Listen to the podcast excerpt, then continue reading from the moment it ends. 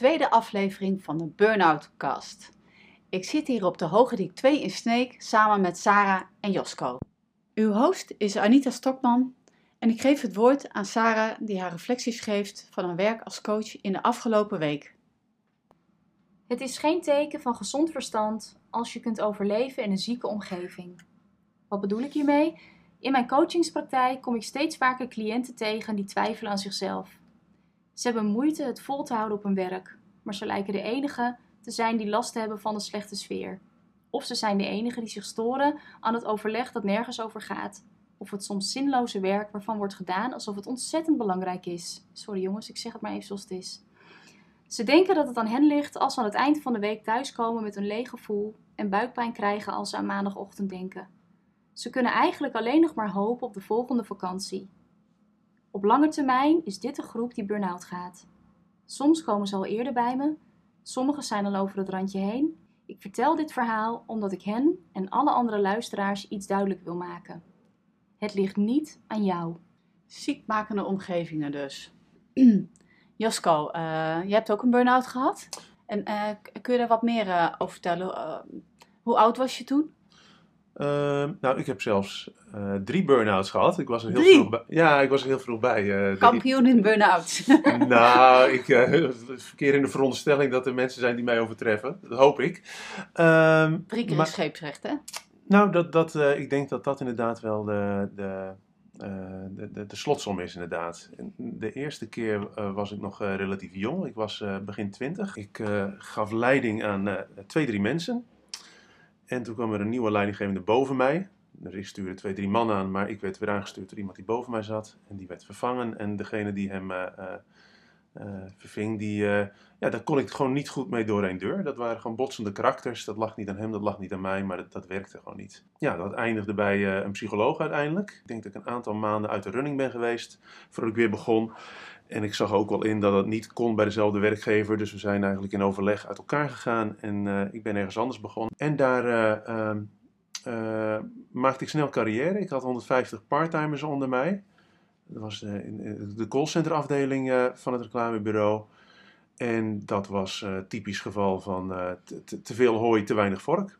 Dus ehm, ik denk dat ik twee jaar na die eerste burn-out opnieuw burn-out was. Ik was toen 24, weet ik nog. Dus die tweede burn-out duurde een stuk langer om van te herstellen dan die eerste. De eerste keer kwam ik er vanaf met een psycholoog. De tweede keer uh, werd er flink wat antidepressiva tegenaan gegooid door mijn arts. Ik kreeg ontspanningsoefeningen bij, Anita gaat het herkennen, bij een Caesar-therapeut. dus het hele arsenaal kwam tevoorschijn. Ik kwam 30 kilo aan in die tijd. Door de antidepressiva? Die antidepressiva die zorgden er echt voor dat ik ging eten. En aan de andere kant voelde het ook wel heel, uh, heel zen of zo. Het was een soort mindfulness gevoel, uh, constant. Je moet er even ingroeien, zeggen ze. Dus eerst dan voelde het alsof de wereld schommelt. Maar toen ik helemaal aan die antidepressiva gewend was, dan voelde dat best, uh, best oké. Okay. Eigenlijk is dus de, antide de, de depressie is eigenlijk een symptoom van de burn-out. Ja, achteraf, en, achteraf ja. vraag ik me ook af. Inderdaad, is dat, was dat handig om die antidepressiva... Nou ja, goed voor mij was dat wel een belangrijk signaal van hey, die uh, hele uh, commerciële setting, dat is toch niet uh, echt, echt helemaal jouw ding. Nee, ik heb toen... nee. En toch nog een derde keer. Ja, je neemt jezelf mee, blijkbaar altijd. En dat was ja. ook in mijn geval zo. Ik, ik, besloot iets heel anders te gaan doen. Ik ging bezinningsdagen bijwonen van een klooster. Ik denk dat ik dat zeven jaar gedaan heb. En toen op een gegeven moment drong het besef zich tot mij door dat ik cognitief aan een grens kwam in die kloostersetting. Dus ze konden mij niet verder helpen als het ging om reflecties op theologische vraagstukken. Dus ik ben eigenlijk intuïtief uh, voor een theologiestudie uh, gegaan. Die heb ik cum laude afgerond. En toen dacht ik, ja, als ik niet in de kerk ga werken, wat blijft er dan over? En het enige wat overbleef was eigenlijk het onderwijs. Dus vol goede moed ging ik van start om de wereld een stukje mooier te maken. En ik begon uh, op, uh, op een school in Groningen. Nou, aanvankelijk ging dat heel goed, maar het eindigde eigenlijk met een moment dat ik mezelf in een toilet uh, opgesloten terugvond waar ik zat te huilen.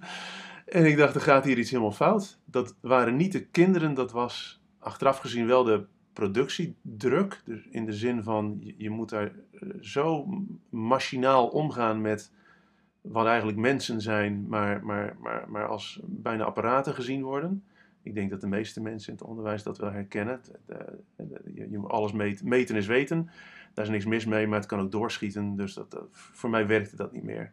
Was niet, eh, dat, dat, dat waren eisen waar je niet mee kon uh, vereenzelvigen eigenlijk. Nee, ik ben eigenlijk uh, me gaan verdiepen in, in het hele spirituele gebeuren. Juist omdat ik de mens centraal wilde zetten. En niet alleen uh, dingen die kwantificeerbaar waren. Ja. Dus meer in het leven dan goud dat blinkt. Ja, ja. Ehm, maar, maar in het onderwijs kwam dat in de praktijk niet, niet uh, tot zijn recht. En uh, nou ja, zoals ik uh, al zei, dat is niet stoer om te zeggen. Achteraf is het ook met enige schaamte dat ik mezelf moest opsluiten in, in een toilet.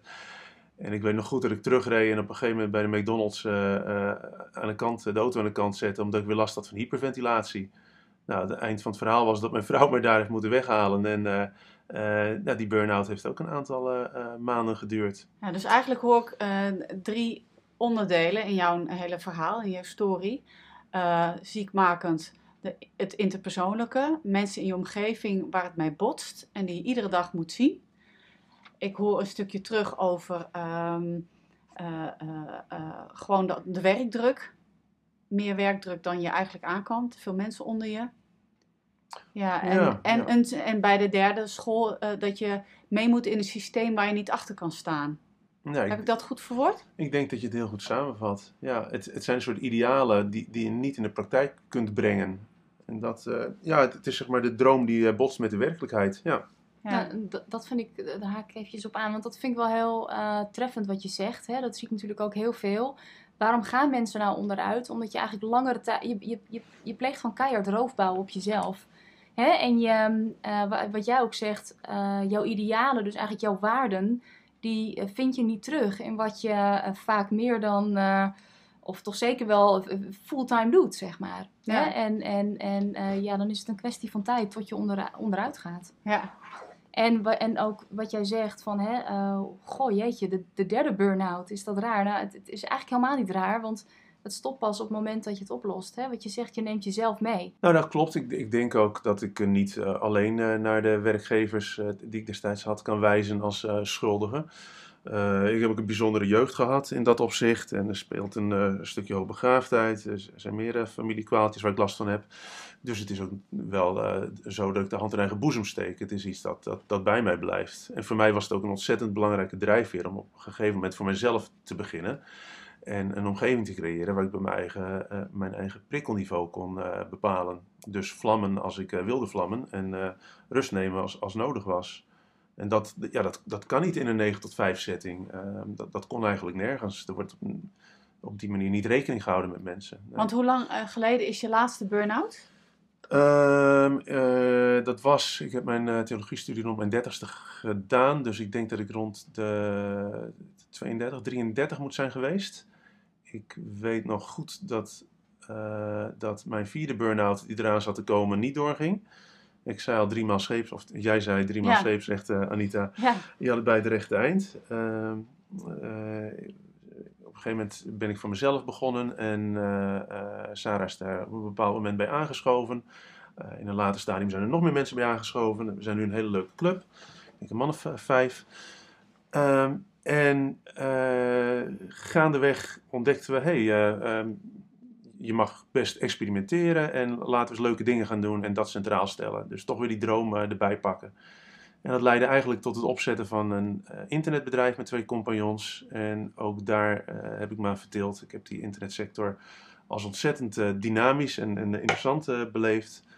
En tegelijkertijd was het uh, um, niet een bedrijf waar ik mijn ei kwijt kon. En doordat we toch al snel uh, te maken kregen met grote verantwoordelijkheden en moeilijkheden, ook als je leuke dingen doet, zijn natuurlijk uh, obstakels die op je pad treft, was ook dat iets waar ik op vastliep. Maar toen had ik geleerd van het verleden en ik wist intuïtief dat ik een stapje terug moest doen. Ik heb mijn aandeel in het bedrijf weggegeven en ik heb gezegd, ik kies voor mezelf en mijn gezondheid. En het is sloes. Ja, en, dat vind ik ook heel mooi wat je zegt. Hè? Je zegt intuïtief, dus eigenlijk spreek je dan over voelen. Hè? En, ehm, en dat maakt uh, waarom je hem hebt kunnen voorkomen de laatste keer. Omdat je op tijd hebt ingegrepen, omdat je je gevoel serieus hebt genomen. En ik, ja, ik weet niet hoe, hoe, hoe jij, of jij daarin kunt vinden. Kun je dat als verschil aanduiden ten opzichte van de vorige uh, burn-outs die je hebt gehad? Ja, ik denk het uh, wel. Het is, ik, ik ben iemand die snel dingen uitdenkt. Uh, en dat werkt niet altijd in, in je voordeel. Nee, dus ik denk inderdaad dat ik vaak heb gedacht... in de vorige podcast hebben we er ook over gesproken... En Anita gaf het ook zo mooi aan, als doorzetter ben je toch geneigd om, om, om, om je, ge je, gevoel weg te rationaliseren. Ja. En, maar goed, ja, het lijkt nu alsof het een individueel probleem is, maar dat is natuurlijk niet zo. Als je kijkt naar de cijfers, dan Precies. zie je wel dat het bijna een epidemie lijkt. Hè? Dus er is ook iets in de maatschappij waardoor dit veroorzaakt wordt. En uh, ja, uh, ik bedoel, ik, ik, ik, zei al van, ik kan nu zelf mijn werktijden bepalen. Uh, ik, ik voelde me vroeger af en toe gewoon een, een, een kip in een legbatterij. En uh, het interessante daaraan is, kippen in een legbatterij, die leggen ontzettend veel eieren. Meer dan als je ze meer ruimte geeft. Alleen op lange termijn werkt dat natuurlijk niet. En dat, dat, dat is wel iets waarvan ik denk, is dit de goede manier uh, om een maatschappij in te richten? Als er steeds meer mensen last krijgen van die burn-out verschijnselen. Nou, ik vind het wel mooi dat je dat aspect erbij uh, pakt. Want het, vaak denk je, oh, het ligt aan mij. En dat is ook precies de reden waarom we willen zeggen: nee, het ligt niet aan jou. En het ligt ook zeker niet alleen aan jou. Hè, er zijn zoveel um, factoren die eigenlijk een rol spelen in het, in het gegeven burn-out. Wat niet alleen natuurlijk in Nederland speelt, maar wat gewoon wereldwijd nou ja, haast een epidemie is. Hè? En het is vaak niet meer één burn-out, maar je hebt er al je hebt er meerdere en ook steeds jonger. Hè? En, wat, en als, eigenlijk moeten we daarvoor ook uitzoomen. Ja, dat vind ik wel heel erg mooi dat je, ehm, dat je er op die manier naar kijkt. Ja, en niet even naar jouw praktijk als Caesar-therapeut. Ik, heb, eh, ik gaf al aan, ik ben niet bij jou destijds terechtgekomen, nee, maar nee. bij een collega van jou. Maar mensen komen inderdaad uh, bij een Caesar-therapeut terecht met lichamelijke klachten voorafgaand aan een burn-out. Dus uh, mensen met uh, nek-schouderklachten, hyperventilatie, spanningshoofdpijn, rugklachten. En nou ja, als, als therapeut uh, als, als therapeut kijk je ook naar de totaliteit. Dus uh, wie is de mens achter zijn klacht? En zo kom je vaak ook wel op het vlak van, nou, uh, hoe is het qua werkdruk of hoe zit je op je werk? En mij valt het op dat output qua werk ehm, vaak hoger is dan het tempo wat mensen zelf hebben. Dus het werk verwacht een bepaalde output. En de loyale, conscientieuze, hardwerkende mensen die proberen in dat tempo mee te rennen, wat ze dan vervolgens niet lukt. En ze gaan allemaal lichamelijke klachten dan ontwikkelen, gaan ze vaker naar de huisarts, vaker naar een therapeut, totdat ze op een gegeven moment echt helemaal meltdown gaan en zich niet meer kunnen concentreren, uh, prikkels niet meer aan kunnen, uh, huilerig zijn enzovoort. Ja, dat is heel, heel herkenbaar. Hè? Ik zie echt heel veel mensen die Um, kijk, dat is het eerste wat je op een gegeven moment op gaat merken. He, vaak, wat we de vorige keer ook al zeiden, uh, schakel je je hart uit, zit je heel erg in je hoofd. Uh, dus je drukt alles, al die signalen eigenlijk weg. En waar jij eigenlijk over spreekt, zijn die symptomen. Ja. En die vallen op. En, die, uh, en op een gegeven moment kun je daar gewoon niet meer omheen. Ja. En um, ik zie ook heel veel in mijn praktijk. Um, het is wel interessant, misschien is er iemand die dat eventjes gauw wil googlen. Maar ik zie wel heel veel dat vooral mannen uh, dat die met lichamelijke klachten komen als angstklachten, paniekklachten, hyperventilatie. Ja. Uh, uh, omdat ik zie dat het toch bij vrouwen, eh, zelfs in 2020, meer geaccepteerd is om te praten, na te denken over je gevoelens.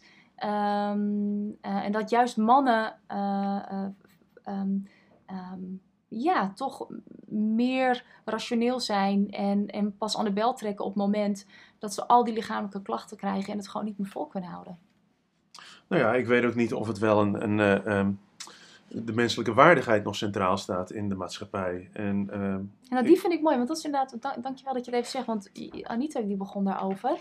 Uh, goh, hoe zei je dat nou? Um, dat, dat de, de werklast te hoog is voor de mens. En eigenlijk en, en, vind ik dat we, dat we uh, een discussie zouden moeten voeren over wat is, wat is mens zijn. Ja. Maar uh, soms zijn werkgevers letten ook niet goed op hun werknemers. Want een, een, een werknemster, een secretaresse die ik ooit had, die zei dat haar baas op een gegeven moment tegen haar had gezegd: Ik ben zo tevreden over je, jij werkt voor twee. En terwijl ze naar huis ging, dacht ze van, ja, er gaat je in mijn hoofd. Ik werk voor twee. Hij neemt er maar gewoon iemand bij. Ja. En toevallig uh, ja, kom ik dat wel vaker tegen. Dat echt de, de, de niet-piepers, de mensen die gewoon eh, eh, eh, bergen willen verzetten, ja, die, die gaan gewoon door. Ja. Nou ja, en aan de andere kant, kijk, kun je het zo'n werkgever verwijten? Hè? Dan kijk je toch weer even naar dat, dat systeemstukje. Nou, Eh, bezuinigingen. bezuinigingen. En Ja, zijn we niet allemaal gewoon kippen in een legbatterij? ja, ja. Nou ja, ik, maar het zijn niet alleen kippen. Ik, eh, de dierenmetaforen vliegen hier om de oren in deze Ja. podcast vandaag. Maar eh, kijk, we halen kalfjes weg bij de moeder op jonge leeftijd. En dat is natuurlijk iets verwerpelijks. Maar wat doen we met onze eigen kinderen? Hoe oud zijn die? Ja. Ik, ik kom wel eens in een kinderdagverblijf, daar zie ik boksen staan. Die, dat is een soort, nou een, een legbatterij, dat, steekt er goed bij af. Hè? Dat zijn eh, een soort babyboxen. Een Do, soort dozen. menselijke, eh, intensieve menshouderij. Nou ja, bijna wel, ja. Dus, maar je doet dat met een kind, hè? Eh, en, en dan kom je s'avonds eh je, je, je, je, je pasgeborene ophalen eh, aan het eind van het verhaal. Dan wordt hij iets groter, dan mag hij naar een crash, dan mag hij naar een school. En wat doen wij? We zetten kinderen op jonge leeftijd al... Zijn allemaal leeftijdsgenootjes. Dat is natuurlijk ontzettend... ja, onnatuurlijk. Ik bedoel, in de natuur is het natuurlijk zelden zo dat je 30 kinderen van dezelfde leeftijd hebt binnen één gezin. Ik bedoel, een tweeling en drieling, dat is misschien tot daar aan toe. Maar zelfs tweelingen en drielingen, die klagen er vaak over dat ze toch wel moeite hebben m- met, ja, mijn zus die doet het zo, of mijn broer die even oud is, die eh, kan dit wel. Nou ja, als je de dertig naast elkaar zet, wat, wat roep je dan op? En het antwoord is eh, natuurlijk een competitiestrijd. Eh, Weer pestgedrag, allerlei symptomen die in een schoolklas eh, ontstaan, die ik als eh, docent zelf van dichtbij heb meegemaakt. En er zijn allerhande programma's eh, die je daarop los kunt laten. En die natuurlijk in zekere zin wel werken. Maar je haalt de oorzaak van het probleem niet weg. En dat is namelijk dat je mensen in een kunstmatige omgeving eh, eh, neerzet. Vanaf zes maanden. Vanaf dat Eigenlijk, kinderdagverblijf. Bij, bij die legbatterijkippen knippen we hun snavel af. Wat doen we bij mensen? Nou ja, die, die, die geven we Ritalin. Of antidepressiva. En ik denk dat dat is hoe wij ons onderwijssysteem in stand houden in 2020. En ik denk dat dat ook de reden is dat er heel veel mensen burn-out gaan. Die laten zich niet meer drogeren. En die, eh, die, je zou kunnen zeggen, ze deserteren uit een eh, kunstmatige maatschappij. En de cijfers staven dat. Volgens mij is het eh, Robin Dunbar, een bekende. eh, nou hij, hij zit op het eh, snijvlak van biologie en eh, psychologie. En die heeft onderzoek eh, gedaan naar de sterfte eh, onder kinderen die in een gezin opgroeien waarbij de ouders niet de biologische ouders zijn. En dat kunnen bijvoorbeeld adoptiekinderen zijn of een samengesteld gezin. En het blijkt dat de kans op sterven van een kind eh, misschien wel twee of drie keer zo groot is dan als een kind bij ouders opgroeit die wel de eh, bloedverwant zijn. Nou ja, we kunnen niet allemaal thuisonderwijs gaan geven, dat is zeker niet waar ik voor pleit. Eh, maar blijkbaar zijn er wel een, factoren die wij niet zozeer eh, eh, in het oog hebben, maar die een belangrijke rol spelen in het dagelijks leven. We zien eigenlijk iets over het hoofd. Is dat wat je zegt? Ik denk het wel. Ik denk, als ik Het kijk begint naar... eigenlijk al eerder, eh, eigenlijk al van eh, ehm, in wat voor een omgeving zet je kinderen. Ehm, op de middelbare school is het denk ik ook wel van, ja, leren wij kinderen bewust te zijn van wie ze zijn. Zodat ze ook betere keuzes kunnen maken daarna waar ze in passen en waar ook helemaal niet. Ja, ik ben nu eh, in, de 40. Als ik kijk naar de generatie eh, die na mij, eh, zeg maar de, de, de, de jongeren die echt het slachtoffer zijn van die burn-out-epidemie, die, die, bij wie het niet bij drie blijft, zoals bij mij, ehm, die hebben een hoge studieschuld als ze van school komen. Ze leven, in, ze leven met het idee dat alles mogelijk is. Dus ze moeten kiezen, ze moeten de wereld redden, ze demonstreren tegen plastic soep of weet, ik veel eh, waarvoor ze demonstreren. Dus die, die, die, er rust, een- hele zware last op hun schouders. Ja. Eh, en dat is natuurlijk de puinhoop die wij met z'n allen, eh, mijn generatie en de generaties voor mij, die, die wij hebben gecreëerd. En ze willen daar wat mee, maar, maar ja, dat, dat lukt niet altijd. En dan, ja, dan komt de realiteit om de hoek kijken, zoals die ook bij mij om de hoek kwam kijken. En dat is dat je die studies, studieschuld moet afbetalen. Als je een beetje in een leuke stad wil wonen, dat je woonlasten richting 1000 euro gaan. Dat er eh, eh, kortom rook uit de schoorsteen moet komen en daarvoor moet gewerkt worden. Dus die mensen met al hun mooie idealen en de beste intenties, die eindigen in een file waarbij ze zelf eh, eh, eh, CO2-uitstoot eh, veroorzaken. Niet omdat ze slechte mensen zijn, maar omdat ze op tijd op hun werk moeten zijn. En hun werk brengen ze vaak door, zoals ik deed, in een soort geestdodende omgeving. Onder een eh bak TL-licht, eh, tussen vier muren met mensen waar je niet zelf voor gekozen hebt. Nou, dan ben je vijf uur klaar en, dan- en dan mag je eh, een paar jaar later die kinderen eh, Maar het is Eh, ook een wisselwerking tussen omgeving en persoon. Want er zullen personen zijn die daar best tegen kunnen. En personen met bepaalde karaktertrekken die wat slechter tegen omgevingen kunnen. Ja, Ja, dat is. Dat, De ja, legbatterij kippen. nou, ik denk, ik denk dat de tegeltjeswijsheid eh, eh, eh, waar is. Het, het, zegt niet veel over jouw gezond verstand als je kunt overleven in ziekmakende omgevingen. Ik ga hem even herhalen.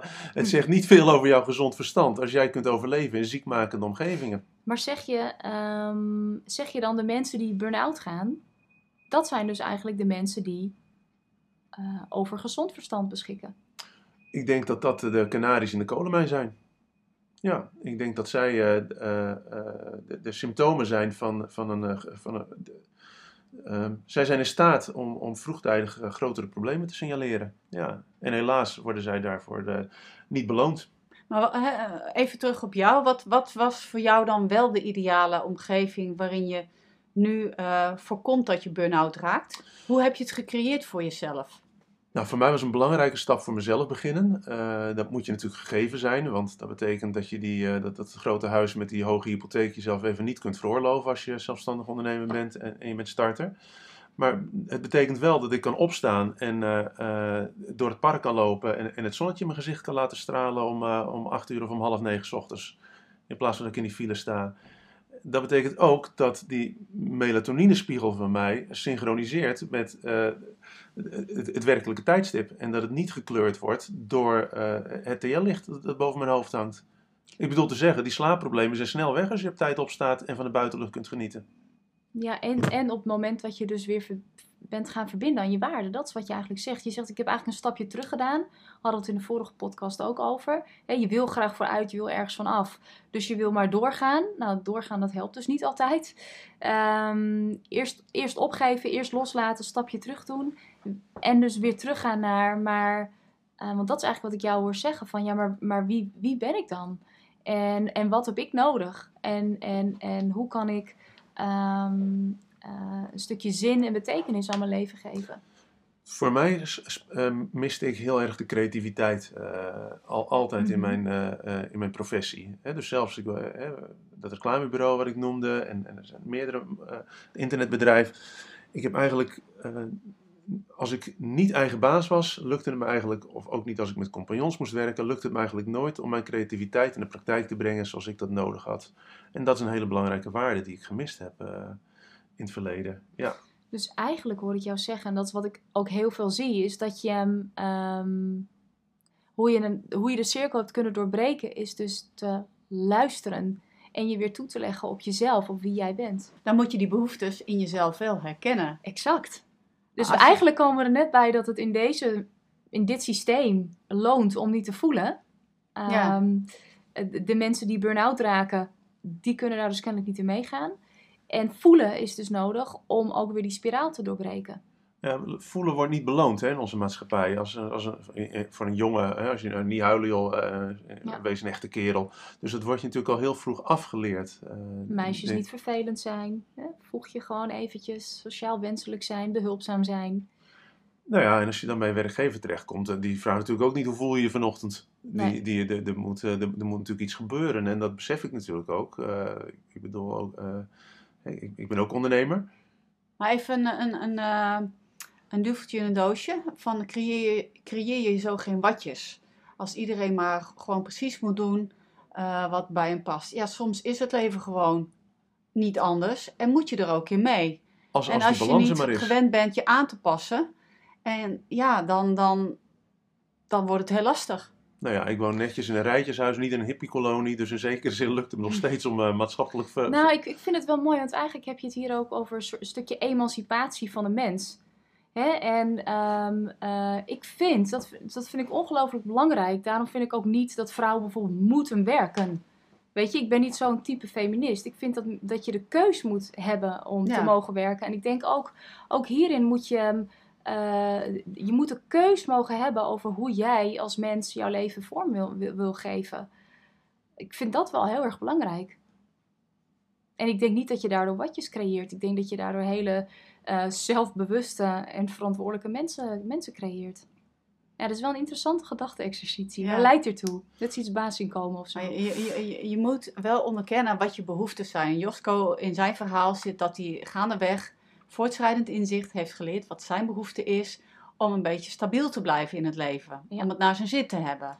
En dat had niet in, eh, eh, in loondienst eh, gekund op die manier, omdat daar de, de, de, de, de arbeidsproductiviteit zo dicht is dat die. ehm, dus de, je, je- ja, de, de- volgens mij is Nederland een van de hoogste, de meest arbeidsproductieve eh, landen ter wereld. En dat levert natuurlijk wat, ook, wat op, maar het kost natuurlijk ook iets. En die piekproductiviteit, die kun je natuurlijk niet altijd volhouden. Dus ik, volgens mij is het, het, een, een, het, het gemiddelde Nederlandse werknemer inmiddels levert die topsport eh, dagelijks, kun je het zo zien. Ja, maar En- tegelijkertijd, het is nu niet dat jij als ondernemer minder werkt. Misschien zelfs Nee. eh, eh, dubbel zo hard. Ik, ik eh, denk vaak met weemoed terug aan mijn tijd in loondienst. Je had meer zekerheid en ik eh, draaide Ja. veel kortere Ja. dagen. Maar het feit dat ik mijn eigen tijden kan plannen, maakt dat het niet erg is om, om in een weekend door te werken of, of een avond tot 12 uur. Ik, heb, maar ik weet nog goed dat ik toen ik begon vaak werkdagen van 12 uur draaide. Maar dat kon ik aan, ondanks een zekere sensitiviteit. Dus dat is natuurlijk ontzettend interessant. Blijkbaar als je zelf de ruimte krijgt om de eh, randvoorwaarden te bepalen waarbinnen jij gas kunt geven, is er heel veel mogelijk. Ik, ik moet denken aan Semler, Ricardo Semler. Eh, dat is die Braziliaan, die heeft toen het bedrijf van zijn vader overgenomen. En die heeft ook heel veel eh, management gewoon losgelaten. Mensen mogen... hij heeft als, als visie, mensen moeten maandags met plezier naar hun werk gaan. En ze mogen zelf creëren wat daarvoor nodig is om met plezier naar hun werk te gaan. Dus werktijden enzovoort. Dus wel een bepaalde output, wat ze wel moeten kunnen Ja, leveren. En het bedrijf doet het goed. En in Nederland heb je natuurlijk buurtzorg. Ik zou net zeggen... met hun zelfsturende ja. teams. Ja, Ja. Waarin ook gewoon veel meer verantwoordelijkheid bij de werknemers zelf wordt eh, gelaten. Die op hun eigen manier en met eigen creativiteit gewoon hun werk kunnen doen. maar ja, daar, Ja. gel- daar geloof ik ook in. Weet je, het gaat er uiteindelijk om dat je iets oplost. En ik vind dat mensen de weg er naartoe zelf mogen bepalen. Nou, het is grappig dat je buurtzorg noemt. Dat is een eh, zakelijke la- relatie van ons. En eh, ik heb met veel interesse kennis genomen hoe dat inderdaad daar vorm krijgt. Eh, en ik geloof daar zeker in. Het is volgens mij niet meer zo dat we in 2020 het proces hoeven te controleren bij werknemers een bepaalde output leveren. Volgens mij zijn we allemaal verstandig genoeg om te weten dat er iets, iets, iets moet gebeuren en de wijze waarop. Zou dat niet zo zijn, dan zou je die persoon toch ook niet aannemen, denk ik. Geef Nee. hem of haar dat vertrouwen. Laat hem vooral plezier maken. Eh, eh, eh, met, met in loondienst zijn is aan de ene kant veilig, want je, krijgt je loon iedere maand en je bent verzekerd van vast werk. Maar soms denk ik wel eens, is het ook wel weer het nadeel dat mensen in, in een bepaald stramien blijven zitten, omdat er te weinig noodzaak is om te veranderen. En dan is blijven zitten makkelijker dan veranderen. Ik- Ja, maar dit is natuurlijk een prachtige. Dit is wat ik elke dag zie. Dit is gewoon die comfortzone waarover jij het hebt. Ja, Weet je, en ehm, zolang er elke maand geld komt, dat is een enorme beloning. ja, Eh, waardoor je gewoon, ja, je levert, je levert jezelf daarvoor op. Dat, dat proces kan heel erg lang duren. Dat maakt ook dat mensen zo ongelooflijk lang, gaan, lang doorgaan in hun werk. Dat Ja. maakt dat mensen burn Jij noemde het al jongeren, het gebrek aan zekerheid. Ehm, weet je, die zekerheid die je krijgt, en je kunt je afvragen hoe zeker dat is. eh, dat is ontzettend belonend natuurlijk. ja. Vanochtend kreeg ik een appje van iemand en eh, die zei: Ik heb een opleiding gedaan eh, tot sound engineer en ik doe nu eigenlijk heel wat anders. En ehm, ik appte terug. Ik zei: Ik zou als ik jou was mijn hart volgen. En ik appte erachteraan. En dat was echt een. eh, ehm, eh, dat is eigenlijk de les die ik heb getrokken uit mijn burn-outs. Elke keer dat ik eh, in de problemen ben gekomen in mijn leven, of het nou een burn-out is of, of op een andere manier, dat kwam omdat ik mijn hart niet gevolgd heb. Ja. En dat, maar, maar goed, het volgen van je hart kost ook iets. En het dat moet is ook iets. niet alleen maar leuk. Er is een hoge prijs die je daarvoor betaalt. En dat is namelijk zekerheid. Je levert zekerheid in voor onafhankelijkheid. En die kostprijs moet je, mo- moet je willen betalen. Die heb ik betaald. En, en eh, die, die betaal ik nog elke dag eh, in zekere zin. Maar goed, er is een groep mensen die eh, vaart gewoon goed onder die zekerheid. En ik denk dat het ook een taak is van eh, werkgevers, managers, om goed eh, te kijken wat hebben werknemers nodig om productief te zijn. Ja. Dat daar veel meer eh, eh, maatwerk kan worden gemaakt. Ik- En een andere omgevingen kan worden gecreëerd waarin mensen met de persoon die ze zijn eh, kunnen werken op een manier die bij hun past. In Ja, plaats van dat je- het iets opgelegd wordt. Ja. Maar dat veronderstelt wel dat je als manager zelf vrij bent. En Ja, hoe kun je vrij zijn als je zelf loslaten. in loondienst bent? Ja, Weet je, hoe vrij ben je zelf? Je moet kunnen loslaten, maar je moet jezelf ook in eerste instantie een soort vrijheid kunnen gunnen om ook de ander vrij te kunnen laten. Dus op het moment dat jij wil dat jouw werknemers ander, ander gedrag gaan vertonen, moet je gewoon eerst bij jezelf beginnen.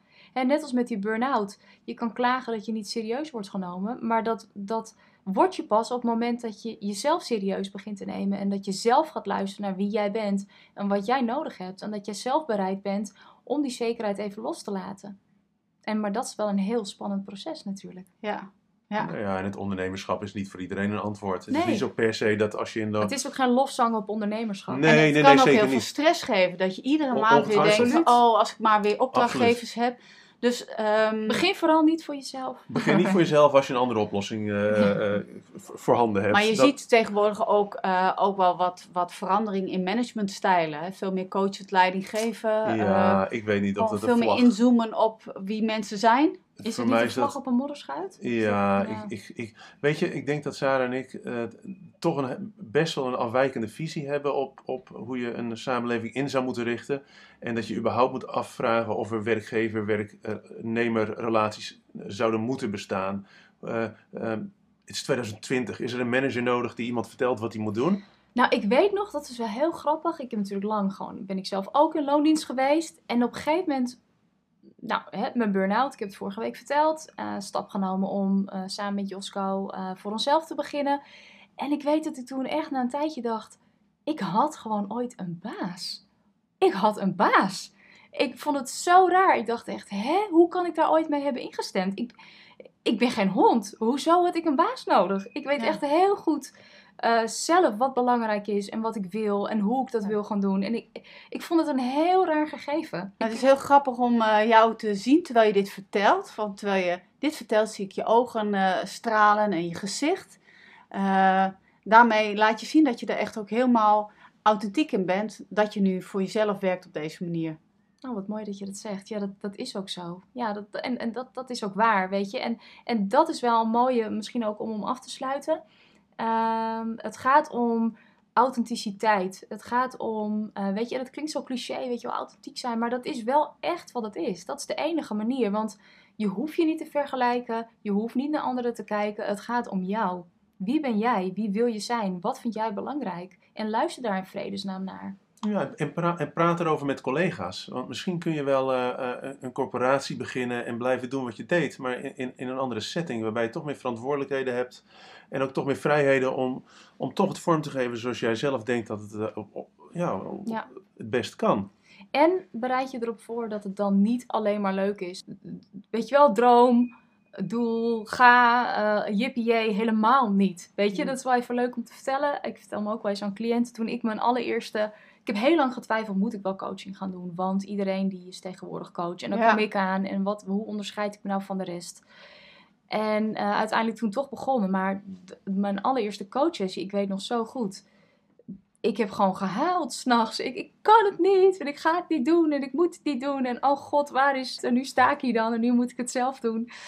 En toch gedaan. En dat was wel, wel, wel een schot in de roos. Maar ehm, weet je, wees daar wel realistisch in. In je verwachtingen. Want het, het is niet alleen maar leuk. En zeker niet als je diep zit en in een burn-out zit. ehm, ehm, kan het best wel lang donker blijven. Ja. En mistig blijven. Ja, want er is, eh, je, je moet jezelf continu motiveren om weer door te gaan. Ja. Ook als het even minder gaat of Ja. het rustiger is en je denkt van nou eh, kan ik het wel. Ja, dan moet je het ook alleen maar uit jezelf halen om weer door te gaan. Precies. Dat herken ik wel. Jij bent de enige. Ja, Ja. ja. Maar eh, hoe, hoe bedoel je dat herken ik wel? Nou, eh, eh, ik, eh, ik ben toen ook zelfstandiger geworden, omdat ik eh, uit een loondienstsituatie kwam. Ik, ik moest weg. En ja, ik, ik eh, kon toen een praktijk overnemen, dat heb ik gedaan. Maar ik had echt het gevoel van, ik ben aan het water trappelen. Ik kan mijn hoofd boven water houden, maar als ik, ja, ik, eh, ik ben niet echt lekker aan het zwemmen. Maar ik weet nu achteraf wel, ik ben inmiddels al, nou echt eh, 22 jaar zelfstandige, zelfstandig eh, eh, geldverdienend. Ehm, ik weet wel dat, dat ik wel eh, veel meer eh, initiatief bij mezelf heb moeten halen en veel meer uit mijn comfortzone ben gegaan, dingen heb gedaan die ik spannend vond, juist omdat ik het allemaal zelf moest doen. En als ik me gewoon kloten voelde of zat eh, te janken omdat ik dacht van, oh, ik kan het niet. Ook, eh, misschien doen vrouwen dat zo.